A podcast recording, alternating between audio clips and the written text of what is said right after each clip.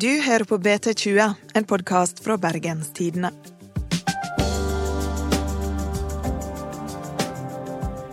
Storbritannia og EU er midt i en bitter og kaotisk skilsmisse. Dersom de ikke klarer å bli enige om en avtale, blir det spådd matvaremangel, resesjon og uro på de britiske øyene. Hvordan havner de her? Og har brexit egentlig noe å si for oss her i Norge? Mitt navn er Ingvild Nave.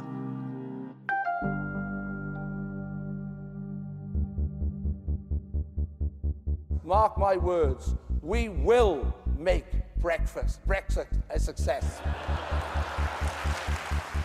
Brexit means Brexit, and we're going to make a success of it. I say to all the doubters, dude, we are going to energise the country. We're going to get Brexit done on October the 31st. We're going to take advantage of all the opportunities that it will bring in a new spirit of can do.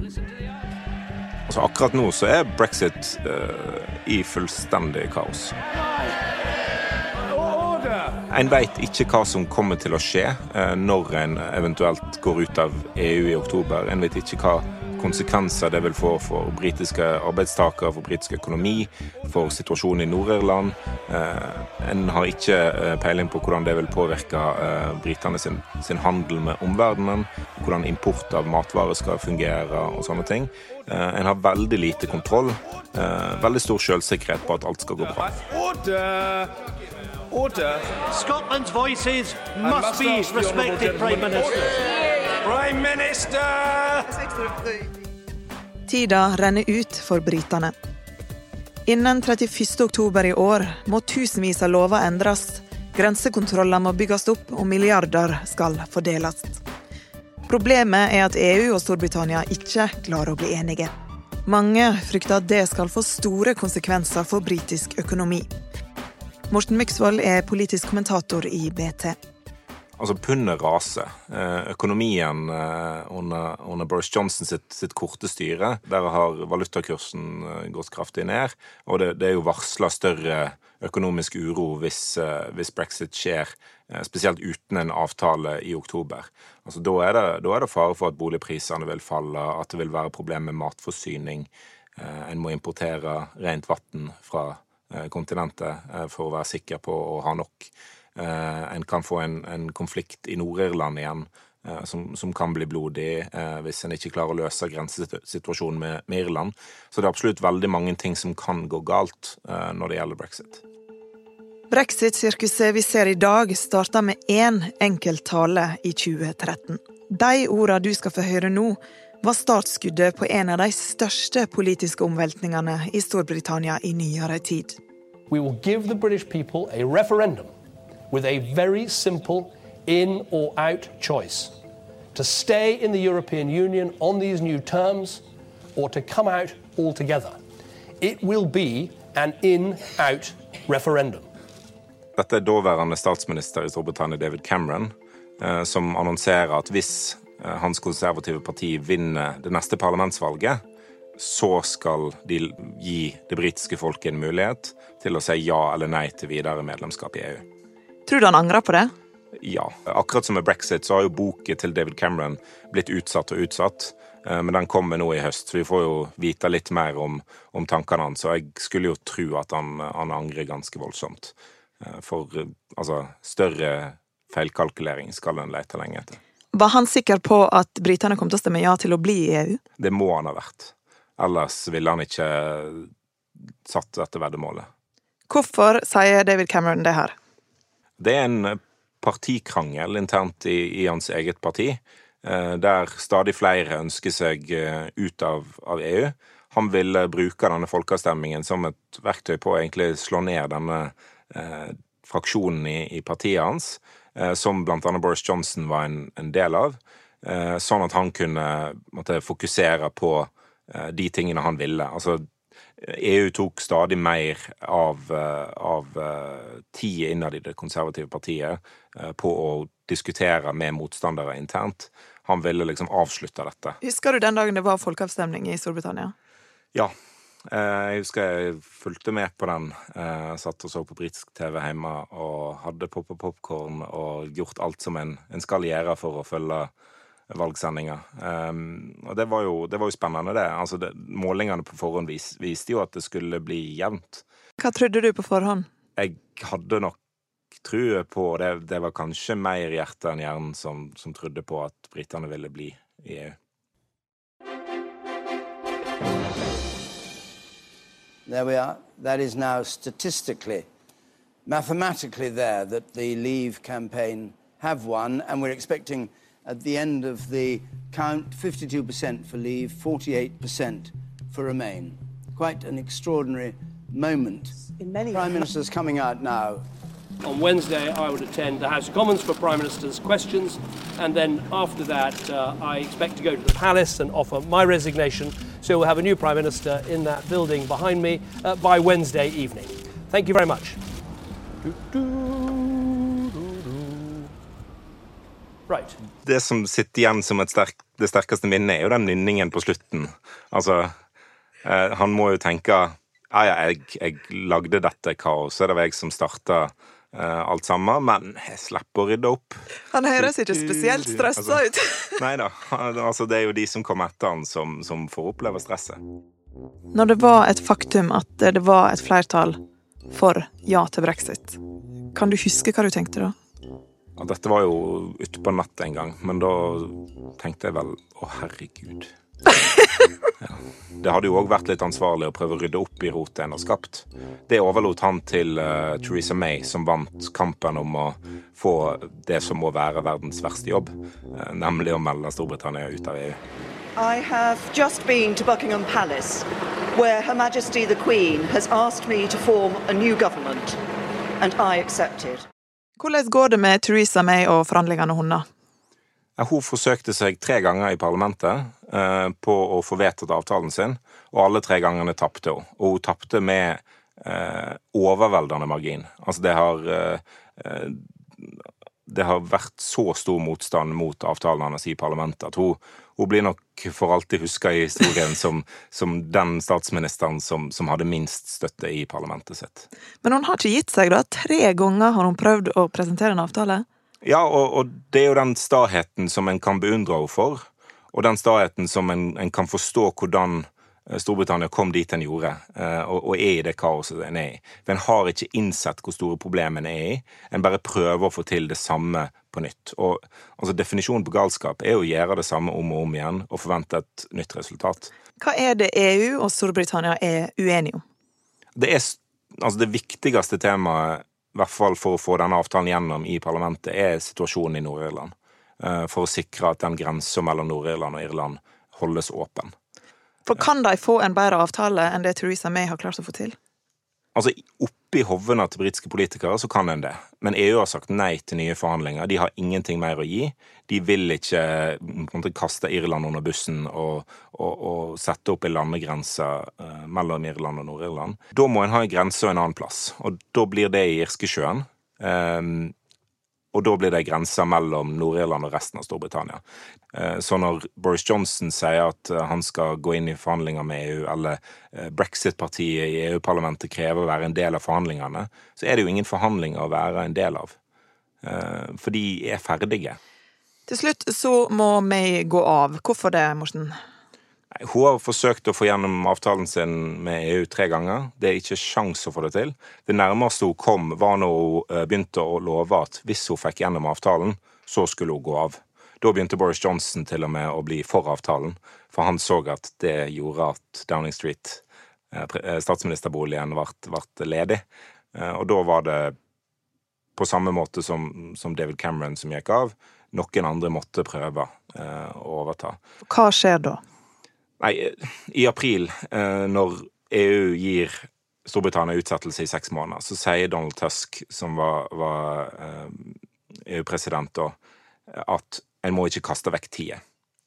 Eh, noen uker seinere så starter jo da Storbritannia på en lederkamp i det konservative partiet. Som egentlig er en kamp om hvem skal være statsminister? Ja, men, men særlig konstruktivt for å liksom få avtalen gjennom i, i parlamentet er det jo ikke. Men det bruker jo da Storbritannia et par måneder på. Og det ender opp med at, at Boris Johnson ble eh, statsminister. I have just been to see Her Majesty the Queen, who has invited me to form a government, and I have accepted. The doubters, the doomsters, the gloomsters, they are going to get it wrong again. The people who bet against Britain are going to lose their shirts because we're going to restore trust in our democracy. Boris Johnson er jo kjent for å være en litt sånn morsom politiker. Fortell litt om han. Ja, han, er en, han, er en, interessant, likende person. Han er morsom. Han er, han, han er nok lettere for mange briter å, å liksom kjenne seg igjen i og like enn liksom resten av liksom, overklassepolitikerne. Men så er jo Boris Johnson en virkelig overklassepolitiker. Han bare har lykkes i å skjule det. Og det er jo det liksom rufsing av håret og tullete uttalelser og, og, rare stunt har vært en, en, taktikk. Så hvis folk liksom ser på han som en litt sånn klovnete politiker, så er han en veldig kalkulert klovn.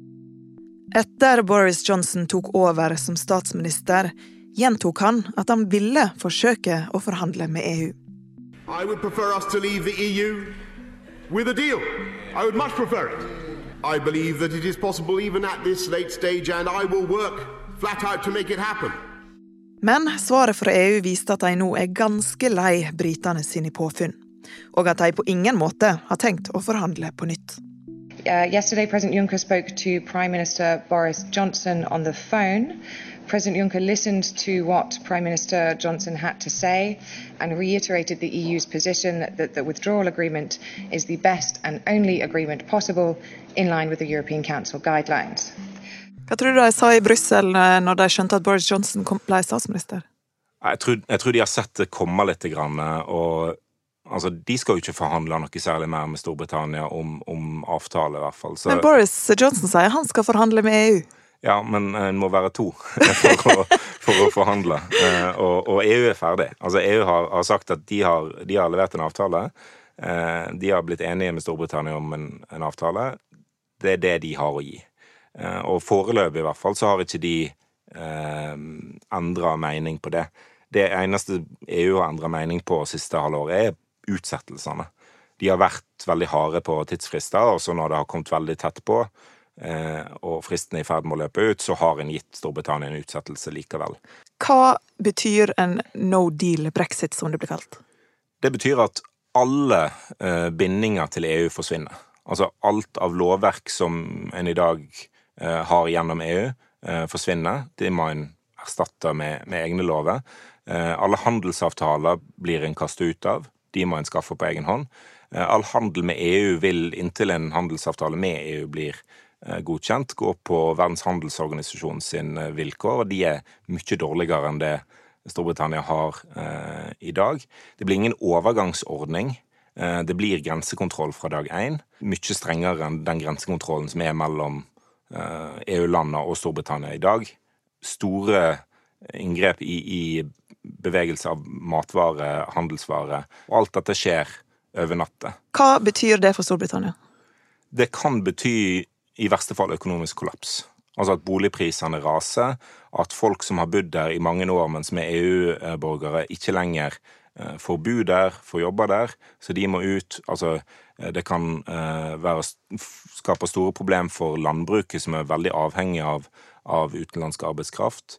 Eh, det er fare for at arbeidsledigheten øker, for at matforsyningen ikke blir god nok, at det blir store demonstrasjoner, at folk ikke får de matvarene de ønsker, at butikkhyllene går tomme. Altså, det, det, er mange ting en er, en er redd for. Og så er jo det store spørsmålet om i hvor stor grad kommer disse worst case-scenarioene i hvert fall til å slå til. Men, men, det har allerede vært negativt for britisk økonomi. Eh, altså det En må tilbake til andre verdenskrig for å finne et like stort innhogg i eh, britisk økonomi som, som, brexit. Altså Finanskrisen er mindre enn dette. Og en har ennå ikke faktisk meldt seg ut av EU. Det har blitt sagt at Storbritannia har ikke skutt seg i foten, de har sprengt den vekk. um, og det, det, er dessverre sant. Og det, det kommer til å skape fattigdom. altså Det kommer til å skape eh, heimløshet, arbeidsledighet. altså Det kommer til å, å, å ramme ganske mange. Eh, det som er synd, er at, at, eh, de som kjemper mest for dette, her, det er rike, konservative politikere som neppe kommer til å tape noe. EU, da? Kommer de til å tape noe på det? Altså, de taper jo et stort og, og viktig medlem, men de, de, er jo mest opptatt av å, å holde unionen samla. En var jo veldig redd for at, uh, at flere land skulle hoppe på en sånn brexit-bølge, og, og, at, uh, at Nederland skulle ville melde seg ut, at Hellas ville gjøre det, eller Portugal, Spania, Italia. Men det har foreløpig ikke kommet, og det kan jo sikkert være litt pga. kaoset eh, som har eh, ramma Storbritannia, men òg den hvor samla EU har, har vært i, i, å håndtere brexit. Hva er det som er viktigst for Norge å få svar på i den prosessen her? Norge må eh, for det første hegne om EØS-samarbeidet. At ikke det blir svekka verken av opinion internt i Norge eller at, at EU endrer seg eh, såpass pga. Av, av Storbritannias utmeldelse at EØS får en svakere posisjon. Hvorfor er EØS viktig? Altså, det er jo, EU er vår absolutt største handelspartner. De reglene som, som gjør det lett for oss å, å handle med EU, de finnes de i EØS. Eh, og hvis ikke vi har, eh, har eh, de reglene, så, så, blir det mye tyngre, mye dyrere å handle. Og det, det kan gå ut over velstand i Norge. Hva annet er det Norge må passe på nå? En må, må sørge for at en får gode avtaler på, på toll framover. En har en har fått til å videreføre de dagens avtaler, men det, det, er jo stadig nye problemstillinger som dukker opp, som en må passe på at en, en får lave tollsatser, helst ingen, med EU, nei, med, med Storbritannia. Uh, og en må sørge for at grense, grensepasseringene går så, så lett som mulig. Hva slags norske bransjer er det som er mest nervøse nå, tror du? Fiskeribransjen tror jeg er de som er, har, har størst grunn, at til å være nervøs, fordi de opererer med, med fersk fisk som har dårlig tid. Eh, den må komme fram så fort som mulig. Eh, og grensebarrierer og byråkrati er ikke bra for fisken. Tror du brexit endelig kommer til å skje den høsten her? Ja, jeg tror det. Altså, jeg, jeg tror Boris Johnson vil gå ut av EU 31. oktober. Altså, det er i hvert fall det mest sannsynlige. Men det er òg altså, mange andre ting som, som, kan skje. Eh, men jeg tror det er mest sannsynlig. Er du spent på hvordan det kommer til å gå? Ja, jeg er veldig spent på hvordan altså, europeisk økonomi kommer til å takle det, hvordan britisk økonomi kommer til å takle det, hvordan virkeligheten uh, om, om, den på et eller annet tidspunkt vil uh, liksom bli oppdaga i det britiske parlamentet. Det, om det skjer før eller etter 31. oktober, er jo ganske viktig for hva utfall vi får. Blir det en interessant halloween? Det blir det. Det blir i hvert fall skummelt nok. Det var ukas episode av BT20. Vi er tilbake om ei uke. Om du leter etter noe mer å høre på, sjekk ut lydappen vår BT Lytt. Produsent er Henrik Svanevik. Mitt navn er Ingvild Nave.